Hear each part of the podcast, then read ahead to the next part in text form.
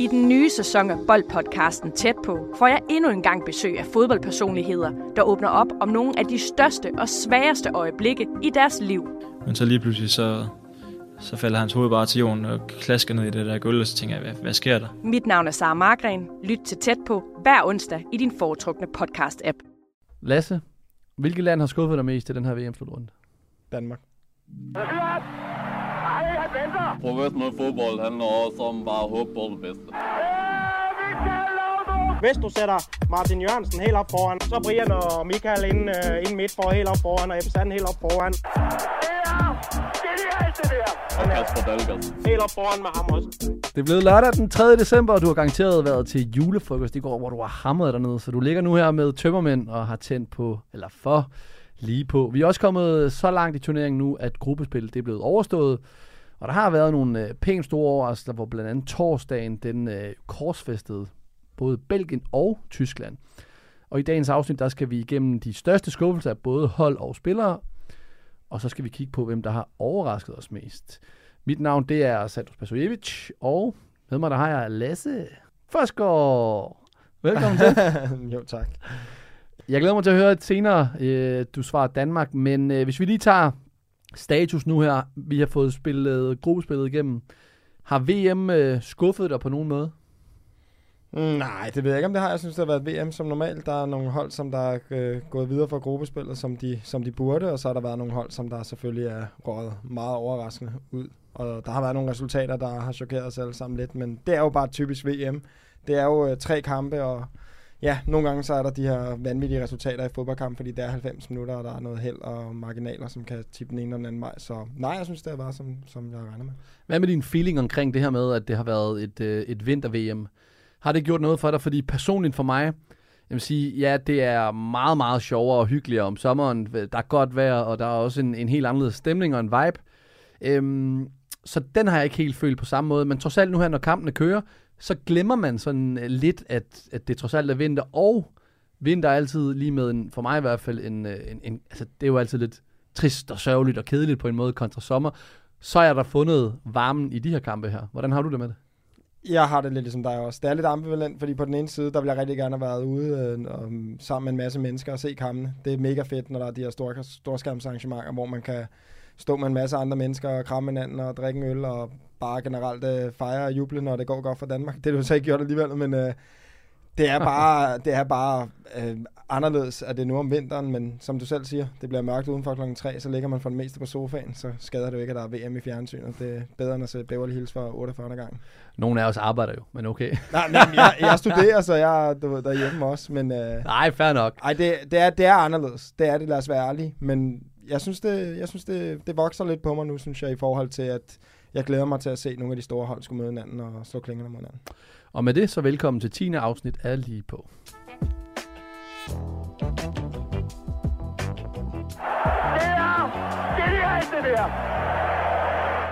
Det første, vi skal tale om, Lasse, det er øhm, i forhold til øh, turneringens største skuffelser. Så jeg bare gå øh, hårdt til bananen. Det er ikke engang sådan, man siger det, men øh, sådan siger jeg det. Hvad, hvem har været din øh, største skuffelse? Jamen, jeg bliver jo nødt til personligt at sige Danmark. Vi kan snakke sådan rent objektivt, så er Danmark nok ikke den største skuffelse, men uh, nu meldte jeg, meld, meldte jeg dem selv op som, som vinder af VM. Ej, jeg synes Danmark havde de, det bedste hold og den bedste træner og alt op til... Det bedste ud fra Altså ud fra, fra, i forhold til Danmark tidligere. Jeg ja. synes, det var det... Jeg har aldrig nogensinde... Øh, nu er det jo selvfølgelig ikke så mange VM, jeg har oplevet, men alligevel en del stadig allerede. Jeg har aldrig været så optimistisk på Danmarks vegne, som jeg var gående ind til det her VM. Og derfor skuffer det mig selvfølgelig helt vanvittigt. Og også fordi, at hvis nu vi bare havde haft, du ved, to gode kampe, og sådan en Sverige mod Frankrig, og vi havde været det bedste hold i kampene, og jeg så den der gnistergej, som man forventer af det danske hold, og hvis det så ikke var lykkes, så havde jeg synes det var ærgerligt, men så har jeg sagt, sådan er fodbold bare nogle gange. Men fordi det, det, det er udtrykket, det er udtrykket for det danske hold, som der bare, det er, ikke, det er ikke et udtryk, jeg har set i, ja, jeg tror siden, ja, Morten Olsen nærmest, eller, altså jeg ved, jeg ved ikke, øh, der var, det var et eller andet, og det, synes, det kan man se flere andre derude, det synes, der var et eller andet, der var off, der var et eller andet, der ikke var, som det skulle være. Og de står bagefter og siger, "Jamen, vi kan ikke lige sætte en finger på det, men der var bare et eller andet. Jeg synes, gnisten manglede lidt. Jeg ved sgu ikke, om, om det, det gjorde ondt på også, at Delaney røg ud, fordi han er også en kæmpe ledertype, men der var bare et eller andet, der ikke var, som det skulle være, så... Men er det ikke bare sådan en gang imellem, det her med, at, øh, at Danmark har spillet fantastisk under, øh, altså fra da O'Hara det overtog øh, fra Morten Olsen, så startede han jo på en måde den her bølge af positive ting på landsholdet, som øh, Julemand jo så fortsat, og så oplevede vi EM sidste år, hvor vi også startede skuffende og havde det her med Eriksen. Det vendte vi så til noget positivt, eller det vendte de til noget positivt. Så er det ikke bare det, der kan ske nogle gange, at tre kampe, at man ikke lige rammer dagen på tre kampe? Jo, det er det. Altså hvis jeg tager fanbrillerne af, og som fodboldspiller har jo, jeg har tre kampe. Jeg har prøvet i Lyngby at spille 20 dårlige kampe, så ja. jeg ved, fodbold det går op og ned, og det er jo også derfor, at nu skal vi heller ikke gøre det værre end det er. Jeg synes, det er forfærdeligt, at folk kan finde på at skrive hadebeskeder og generelt komme øh, usaglige sviner. Jeg synes, det er fair at kritisere dem. Det var øh, lorte VM for Danmark. Det var det, lad os være ærlige. Men samtidig så er det jo bare fodbold, og Ja, hvis øh, tingene ikke lige kører, som de skal. Jeg tror også, de, jeg tror, de begyndte at blive lidt rystet, rystet efter den første Tunesien-kamp, da de ikke vandt den. Den tror jeg, de havde regnet med at vinde, og så har man sådan haft rigtig været positiv. Jeg tror godt, de alle sammen vidste, at den liv og død kamp ville komme mod øh, Australien. Og når man så i halvlejen ikke har scoret nu, der tror jeg virkelig, at panikken den bare gik, fordi det var en situation, de ikke havde regnet med at stå i.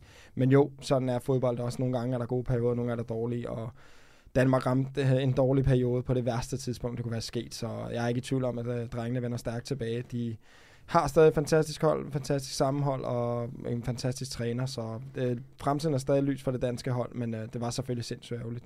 Altså jeg synes, de skal havles ned. Jeg synes, de skal havles ned øh, ud fra, øh, altså hvis man laver en analyse på selve spillet, fordi at når det går godt, og det har det gjort i rigtig lang tid, så har vi også øh, kørt dem op til at være øh, de store konger. De er blevet øh, rost, øh, deres lederskaber øh, og lederevner er blevet rost, Julemand er blevet rost. Når det går dårligt nu her, hvilket det er gjort, så er det jo med en savlig kritik, at ja. man skal kritisere den. Jo, jeg har hørt, at Julemand også har været ude og sige, at han øh, synes, folk skulle slappe lidt af med kritik, kritikken i forhold til spillerne. Nej, men det skal, ja, men det, der skal han også bare stoppe. Enig, og jeg skulle til at sige, at fodbold er jo bare sort-hvidt, og det er det jo, fordi det er følelser. Så derfor, når det går godt, så bliver man helt forblændet, og så er man en, en idiot ligesom mig. Jeg tror, vi kan vinde VM, og når det så går dårligt, jamen, så er det den modsatte grav. Og sådan er fodbold bare. Det er sort-hvidt. Og som du selv siger, der var ikke, det var ikke fordi Julemand gik ud og lagde en dæmner på stemningen, da de alle sammen var folkehelter ved, ved at rejse statuer af dem alle sammen. Der var, gik han ikke ud og sagde, lad os nu lige falde ned igen. Præcis. Så det er jo bare, man må tage det sure med det søde, og sådan er fodbold. Og det ved spillerne også godt. Så lige nu, der gør den lidt ondt, så kan de komme hjem og få en velfortjent juleferie, og jamen, så starter vi i januar igen, og så kører det jo bare videre. Sådan er det i fodbold. Der kommer altid en kamp her. Jeg synes, jeg er faktisk overrasket over, jeg synes personligt ikke, at han har taklet den her modgang super godt i forhold til så meget, som han er blevet øh, rost for at takle medgangen, og den måden, det var på sidste år. Så der, der savner jeg faktisk noget fra ham. Men en af de, øh, nu tager du så Danmark som din største overraskelse. Jeg har legnet øh, nogle andre overraskelser ned. Øh, hvis vi for eksempel skal tage den første, Belgien. Ja, Belgien er en katastrofe for os. De er også på min liste. Og deres gyldne generation. Altså, de har jo den her generation med Eden Hazard, De Bruyne, Kompagni, Fatongen, Courtois, Lukaku. Lukaku. Ja øhm, som de ryger ud i gruppespillet. Carrasco, altså du kan bare fortsætte, de ligt Van Dijk, altså de har, et, eller ikke vel, de ligt Van Dijk, nu begynder at gå videre til Holland, det skal jeg være med. Nej, men de ryger ud i gruppespillet, hvor Marokko ja, og Kroatien går videre jo. Ja, altså de har bare et, øh, på papiret, mega godt hold, og vi har altid været helt tosset med, med Belgien, og fordi at det har været et hold, som Jamen, de har jo også været oppe i top 10-listen lang tid på, på verdensranglisten om, øh, med rette, men altså, de taber 2-0 til Marokko fuldt fortjent. Slår øh, Canada. Sindssygt heldigt. Canada, det var den første kamp, hvor alle bare tænkte, Canada det ser vanvittigt ud. Og så spiller de kryds mod øh, Kroatien. Men så er det jo klart, så går man selvfølgelig ikke videre. Og hvis det bare var resultaterne, men præstationen har også været katastrofe. Og jeg synes jo, det fortæller alt, at deres største stjerne, De Bruyne, han går ud efter en kamp og fortæller, at vi er for gamle til at vinde VM. Altså, det er jo... Altså, det, men har han, ikke, har han ikke fat i noget? Jeg ved godt, at han måske ikke skal udtale det, men er det måske ikke... Hvis jeg kigger på deres hold nu her, og kigger på deres starter, for eksempel mod Canada, så har de den Dunker, som spiller i Aston Villa, Alderweireld på 33, som spiller i Royal Antwerpen, Fatongen på 35, som spiller i Anderlecht, Kastanje, som spiller i, i Leicester, og Eden Hazard, som jo reelt set ikke kan spille i nogen topklub. Så har de Lukaku, som senere i turneringen jo kommer ind, brænder også de her store chancer mod Kroatien. Øhm, han er en topspiller, kan man sige, som så bare ikke rammer formen lige nu her. Men overvurderer vi i realiteten det her hold her? Det ved jeg ikke, om vi gør. Altså, man mister jo selvfølgelig noget, når man bliver ældre rent fysisk, men de burde stadig alle sammen være relativt tæt på, på toppen af deres fysiske formåen. Så man, får, man har også noget mere erfaring, når man bliver ældre. Jeg synes jo bare, at det er helt vildt, at ham som er en af lederne af skibet, han går ud og siger det. Altså, ja. det, som du selv siger, det er der, man kan da godt tænke det, men man, man bliver jo stadig nødt til at... Du får et hostalfald i baggrunden nu. Men øh, man bliver jo nødt til at ligesom øh, få noget tro ind og noget selvtillid. Og det gør du absolut ikke, når du sidder foran hele verden og fortæller, at øh, vi kommer ikke til at vinde VM. Det må jo alligevel betyde et eller andet. Altså i forhold til, hvor meget øh, de af hans medspillere øh, også tror på, at det kan lade sig gøre. Specielt når man lige har haft en kamp, som ikke var så imponerende. Så jeg synes, det er helt vildt at gå ud og sige. Men jeg ved ikke, øh, var det en skjult kritik af træneren i forhold til truppen, der er blevet udtaget? At der er blevet taget for mange ældre spillere med? Det er umuligt øh, at vide, men vi kan jo gisne om det. Men ja, Belgien, det er en kæmpe skuffelse. Og som du selv siger, den her gyldne generation, de, de har haft nu, den, ja, den lakker mod enden. Og så. Men lakker den mod enden, fordi jeg, jeg kan ikke se den rigtig komme i... Altså, den gyldne generation nu her skal fostre den nye generation. Øh, og der har de nogle spændende spillere, Belgien bevares, men i forhold til, at vi skal have den helt op, de, øh, de blev jo træer til seneste VM, øhm, og vi skal have den helt op, hvor vi forventer, at Belgien kan gå hele vejen. Der er de vel over the top. Ja, det er de. Og de har jo også længe øh, bokset over deres vægtklasse. Fordi at Belgien er jo ikke et hold, vi normalt i historisk perspektiv har regnet med som en, en VM-vinder. Men til det VM, du snakker om, hvor de bliver nummer tre, der var jo mange, der tænkte, at de godt kunne gå hele vejen. Det tror jeg ikke rigtigt, der har været nogen, der har forventninger til dem den her gang, men at de ikke går videre fra gruppespillet, det, det er i hvert fald en kæmpe overraskelse, men ja, altså, altså, du kan jo nævne flere spillere. Altså, du kan også nævne Hazard, som hans er karriere er jo- gået fuldstændig ja, ja. ned ad bakke siden, siden Chelsea. Så det er, ja. Det, det går lige så meget Hvis ned du rent objektivt kigger på det, så, øh, så er de sammen med det næste hold, jeg har på listen i hvert fald, de største skuffelser. Jamen, det glæder mig til, men det går lige så ned ad bakke som min hals, der er nu åbenbart fået Øh, fuldstændig det- op. Super. Så beklager de. jeg ved ikke, hvad der skal Nå. klippes. Men hvem, øh, hvem har du så som de næste hold? Det har Tyskland. Ja. Altså Tyskland, de... Øh, jamen, altså, jeg ved ikke engang, hvad jeg skal sige. De, øh, de taber mod øh, Japan-kampen, hvor de er foran, og taber 2-1 i en kamp, som de ja, dominerer i hvert fald spillemæssigt, men med det hold, de har på papiret Tyskland, så må de jo aldrig nogensinde undgå at gå videre for, for gruppespil. Altså du kan tage Kimmich, Gündogan, Nabri, ja, Musiala, som også er en af deres øh, store nye stjerner, og så Nøjer på mål. Altså Rudiger, jeg kan jo man nævne hele holdet. Det er så godt et hold, at man ikke kan gå videre fra den gruppe, altså med Costa Rica, Japan og, og Spanien, det er jo vanvittigt. Selvfølgelig havde de en svær kamp mod Spanien, det var en meget lige kamp, men øh, at man kun kan slå Costa Rica, og man ikke kan slå Japan, det er, det er vanvittigt i hvert fald. Er det, øhm, er det det her med, at øh, kan du spille ind, at Katar, altså det her VM her, kommer så kort tid efter, der er nogle sæsoner, der er i gang. Det er en anden måde, hvor man skulle øh, gøre sig klar til det her verdensmesterskab på. Kan Ja, det have haft nogen indvirkning? Jeg tror for alle hold, og jeg tror også for Danmark, at det har været meget individuelt for hver hold, hvor hårdt man har været ramt i forhold til det der med, at man går nærmest direkte for sæsonen over. Og det der med, som, som du også lige snakkede om før, at det er en vinterslutrunde. Det er et lidt anderledes tidspunkt. Normalt, når man går til, til sommer-VM, så kan det godt være, at man har været i gang siden starten af januar, men altså solen skinner, og øh, det er bare sommer, og man bliver ramt af den her VM-feber, og lige pludselig er det helt anderledes. Nu øh, altså, skinner solen selvfølgelig stadig i øh, Katar, men det er bare anderledes, end det har været tidligere, og jeg kan jo ikke rigtig beskrive, om der er nogle af spillerne, der ja, måske har været lidt med eller lige har mistet den der sidste motivation, men det er i hvert fald det er voldsomt af, af Tyskland. Og specielt fordi, at de har jo den, synes jeg, bedste træner til det her VM. Så derfor er det meget overraskende, at de kunne få med det. De er i hvert fald langt fra tidligere tyske hold stor, storhed. Men jeg synes faktisk, det samme gælder Danmark, fordi jeg synes, noget af det, som Julemand har gjort med Danmark, det er, at han har behandlet det danske landshold, som om det var et klubhold. Så det, at Katar-slutrunden nu her kom så kort tid efter de respektive turneringer, det gjorde jo, at han ikke kunne samle øh, tropperne i de her 4-5 uger, som man plejer, som så kostede. Det kunne jo også godt have kostet på for eksempel Belgien, Holland. Ja, øh, Tyskland. Ja, men ja, det, øh, det er bare, altså det er jo så svært for os, fordi vi kan jo gisne om det, og det her VM har jo bare været anderledes i forhold til forberedelserne. Jeg er ikke i tvivl om, at julemanden havde foretrukket, at han havde et par uger med, og det havde de andre trænere helt sikkert også. Men det er jo de samme vilkår for de fleste af holdene. Altså der er bare enkelte hold, som der har haft lidt længere tids forberedelse, men der er stadig så stor forskel i kvaliteten på holdene, så det burde ikke være udslagsgivende. Det kan det måske være, når man går videre fra gruppespillene, så er det dem, som der ja, har den bedste fysiske form stadig, men jeg synes jo bare, det, det, er, det er i hvert fald en, uh, endnu en undskyldning i undskyldningsbogen for, hvorfor det, det ikke er lykkes, men når man har sådan en nedtur, som Danmark også har haft, så tror jeg, at det, der er ikke en årsag. Det er lidt af det hele. Hvad hvis vi tager for eksempel et, øh, et land som Holland? De øh, ender nummer et i deres øh, gru- gruppe A.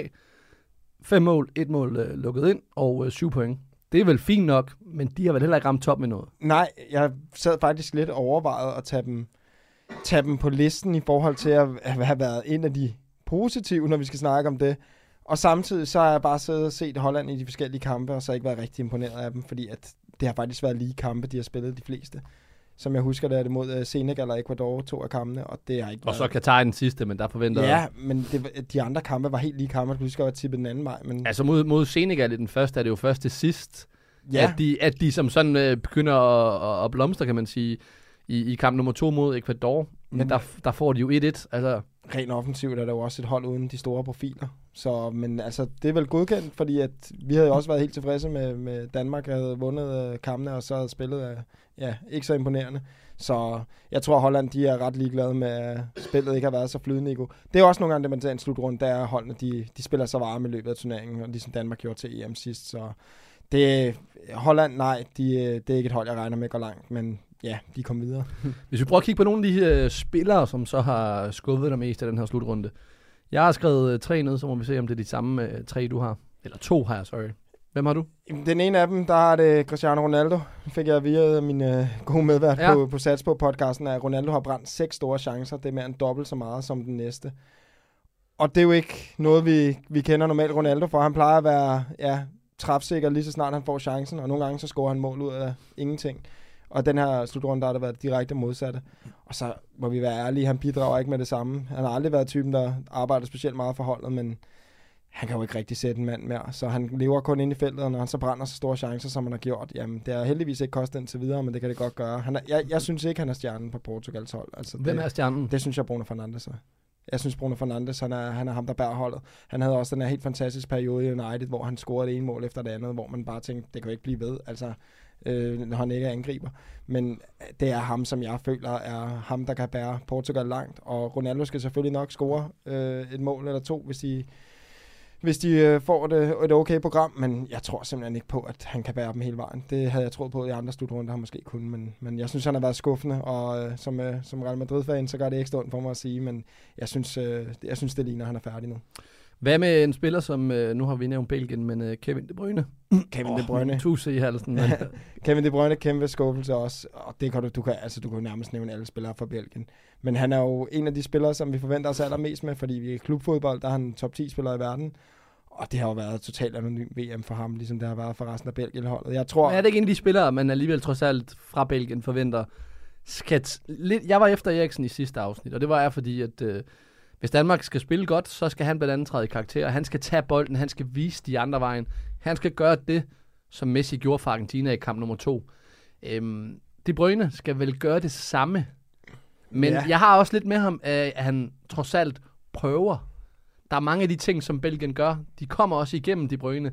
Og i kampen mod Kroatien kan man så sige, det var jo Lukaku i bare lidt bedre forfatning i den kamp. Så havde Belgien jo også vundet. Han skulle ikke have haft tre af de kampe, så har han været den klareste skuffelse til VM. Men det er også det, jeg mener. Så, så De Bruyne er det måske fordi, at Holland eller Belgien ikke går videre.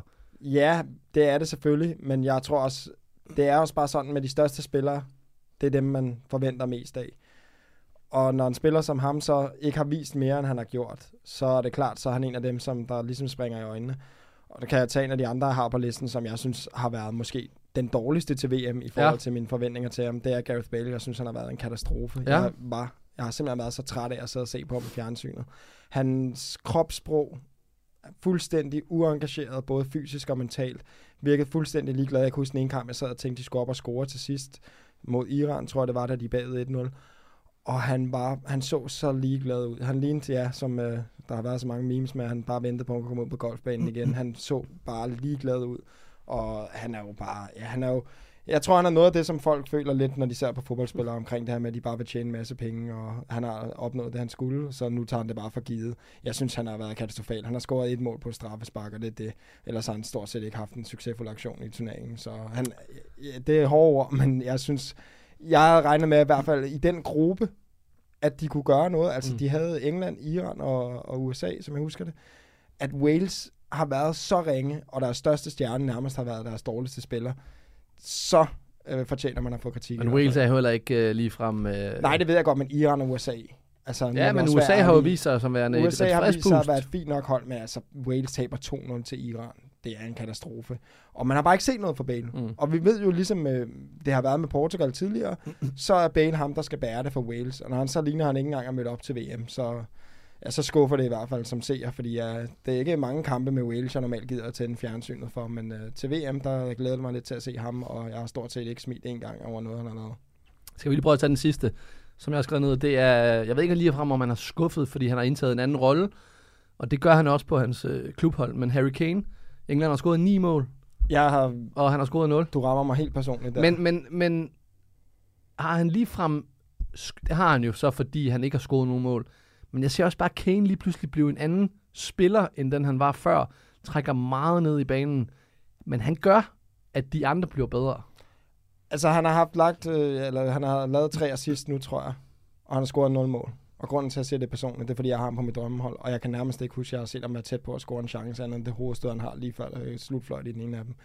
Han, jeg er helt enig med, hvad du siger. Altså, det er ikke den Harry Kane, vi plejer at kende, som ja, kunne øh, fuldstændig outmuscle sin modstander, og konstant var øh, en bekymring, og kommer en masse gode situationer om for en kant af feltet. Han er, som jeg også tidligere nævnte i en andre podcast, øh, den bedste afslutter formentlig til, til slutrunden med begge ben. Han er vanvittig med begge ben, og det er, han har jo nærmest ikke haft et skud inden for rammen. Det er, det er ikke den Harry Kane, vi er vant til at se. Jeg synes, det er meget... Øh, hvad kan man sige, det er et kæmpe problem for England, fordi at hvis de går videre, så er det jo sådan en som ham, man regner med, der skal score målene. Så han skal i hvert fald steppe lidt op. Jeg ved ikke, om han er småskadet. Han slog jo anklen i første kamp, og det kan godt have en lidt betydning.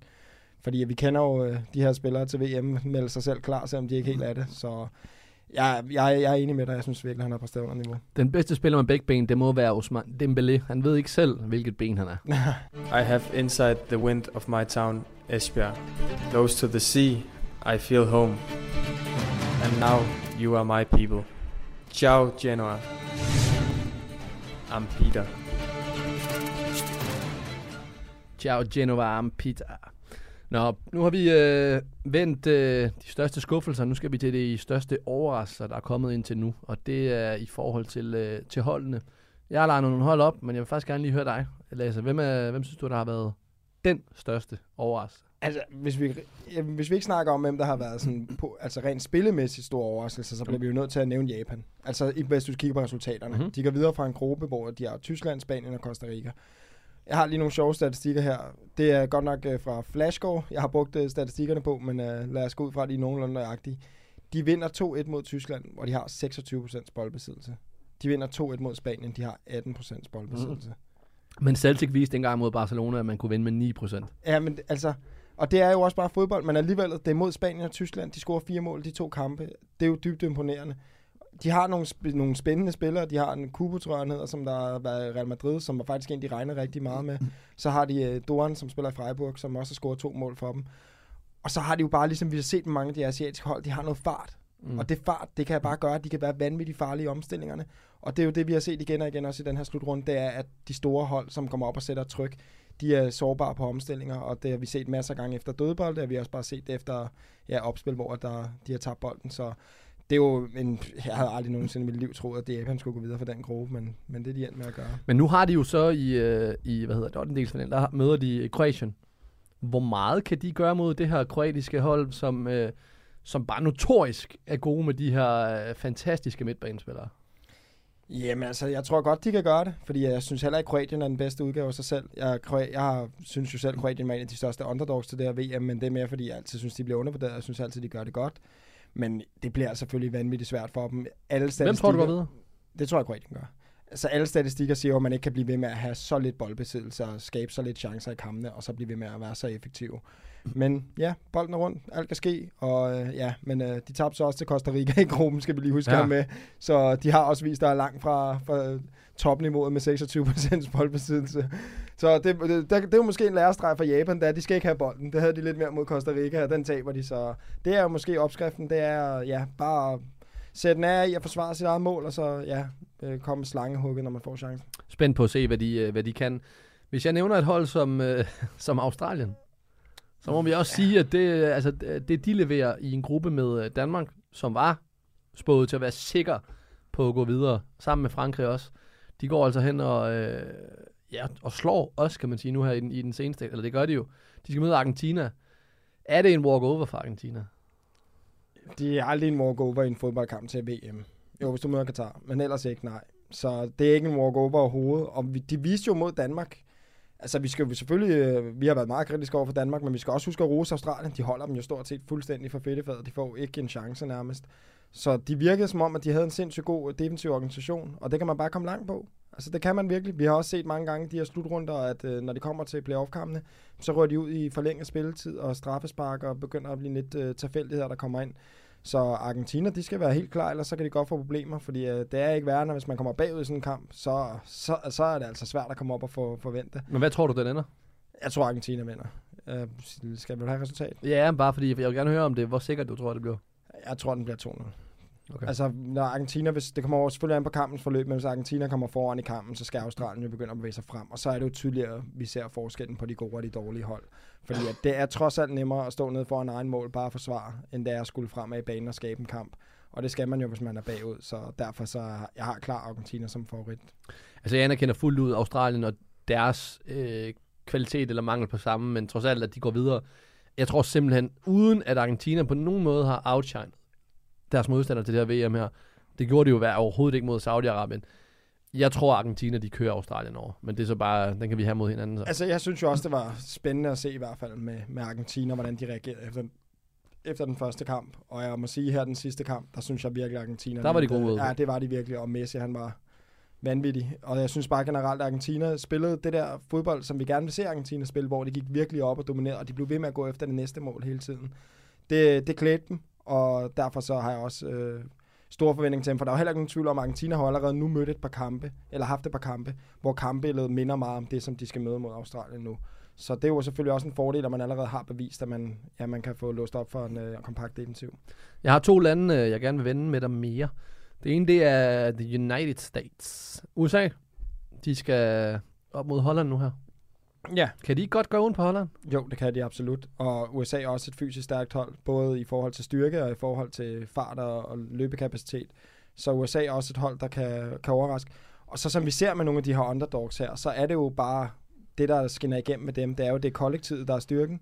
Det er jo ikke hold med de kæmpe store profiler, men de, de står øh, sindssygt godt sammen på banen, de arbejder stenhårdt for hinanden, der er ikke nogen primadonna-nykker, og så, jamen, så har de bare i løbet af sådan en turnering her, så får man altså også bare bygget noget selvtillid op, og der er jo ikke nogen tvivl om, at de har kæmpe opbakning fra øh, hjemmefra. Der har jo heldigvis været en rigtig positiv udvikling i USA på den front, så jeg er ikke i tvivl om, at øh, der kommer lige et øh, opkald inden kampstart fra præsidenten igen, og hvad de nu ellers plejer, så typisk amerikansk, som det skal være.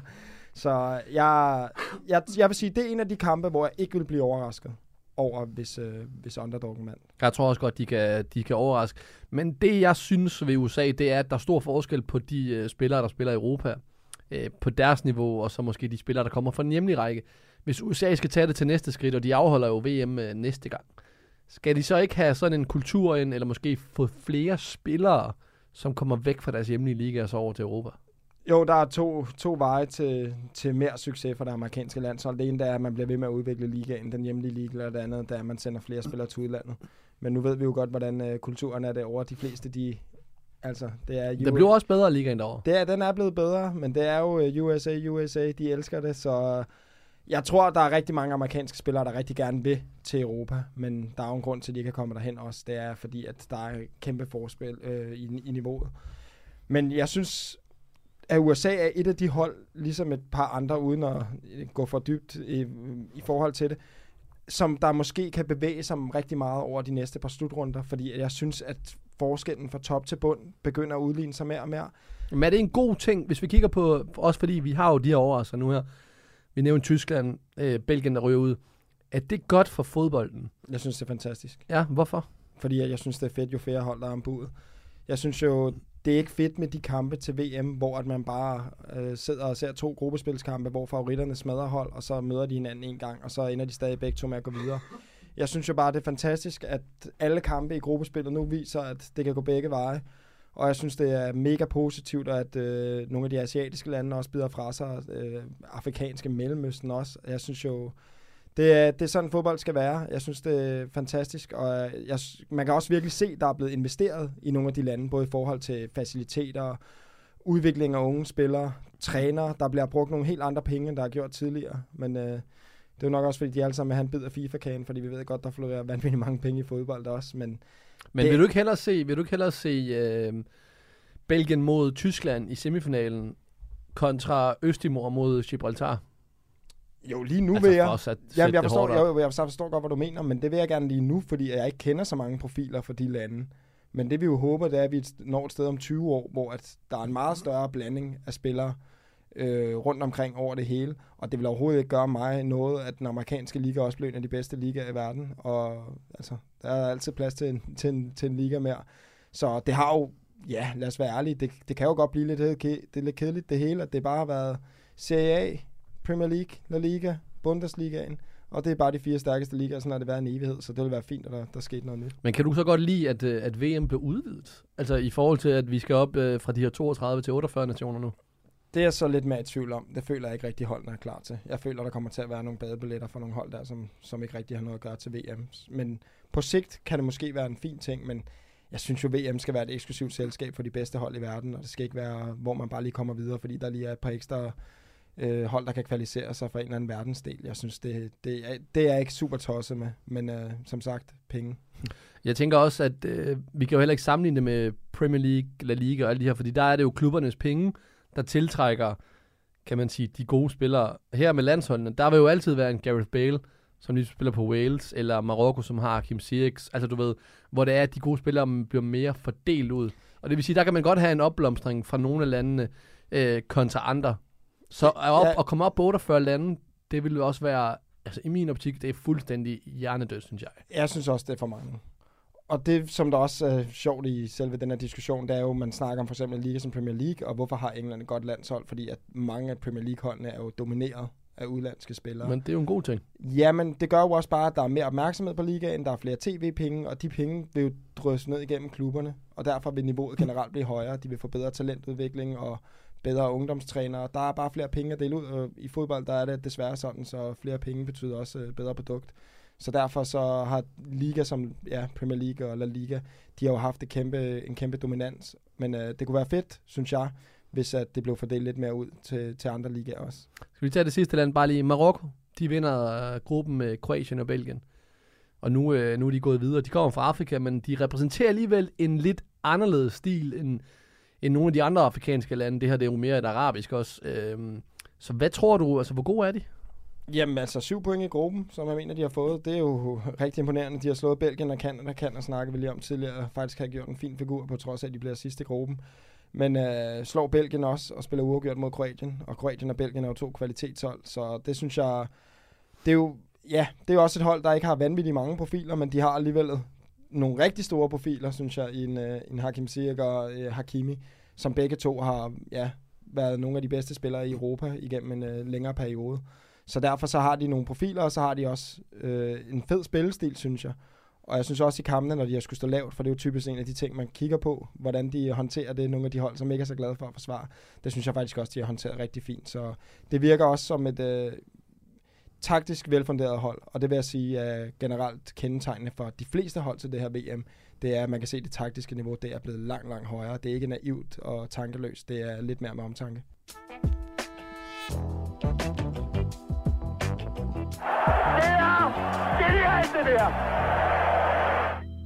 Nå Lasse, nu er vi kommet til, øh, til vejs ende. Er der, øh, vi kan lige prøve bare lige kort tage den kort. Holland, USA. Hvem går videre? Holland, Argentina, Australien. Argentina. Enig. Jeg tror for øvrigt, uh, USA er den første, bare for at være... Eller prøve noget andet. Japan. Kroatien. Kroatien, Enig. Brasilien, Sydkorea. Brasilien, Enig. England, Senegal. England, Enig. Og Frankrig, Polen. Frankrig. Det er, altså Polen er den, måske den dårligste af de her, der er gået videre. det, Men, tak for i dag, Lasse. ja, tak for i dag. Vi er, du skal optage Satsbo. Jeg skal op til at satse på lidt med. Kort. Nogle øh, fif. Ja, men for mig der er det ved at være Hail Mary-tid. Jeg ligger faktisk fint i, i tabellen, og specielt også i sats på min ligaen, men øh, jeg går ikke efter at blive nummer 5, når jeg går efter at blive nummer 1. Så nogle af de hold, jeg lige har sagt til dig, der er favoritterne, det, det er ikke dem, jeg kommer til at satse på. Jeg bliver nødt til at finde nogle overraskelser, for at jeg kan slå nogle af de eksperter, der er. Så, men, øh, så længe jeg slår dig også, så er jeg glad. Ja, men hvis du laver en Hail Mary, så lad os da håbe, at det er en Aaron Rodgers Hail Mary. Vi er tilbage igen på øh, næste mandag, og inden til da, hasta la vista. Professionel fodbold handler også om bare at håbe på det bedste. Hvis du sætter Martin Jørgensen helt op foran, så Brian og Michael ind, uh, ind midt for helt op foran, og Ebbe helt op foran. Og Kasper Dahlgaard. Helt op foran med ham også.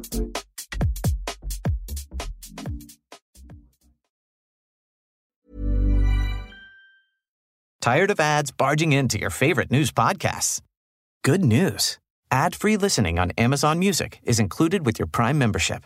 Just head to amazon.com slash ad-free news podcasts to catch up on the latest episodes without the ads. Enjoy thousands of ACAST shows ad-free for Prime subscribers. Some shows may have ads.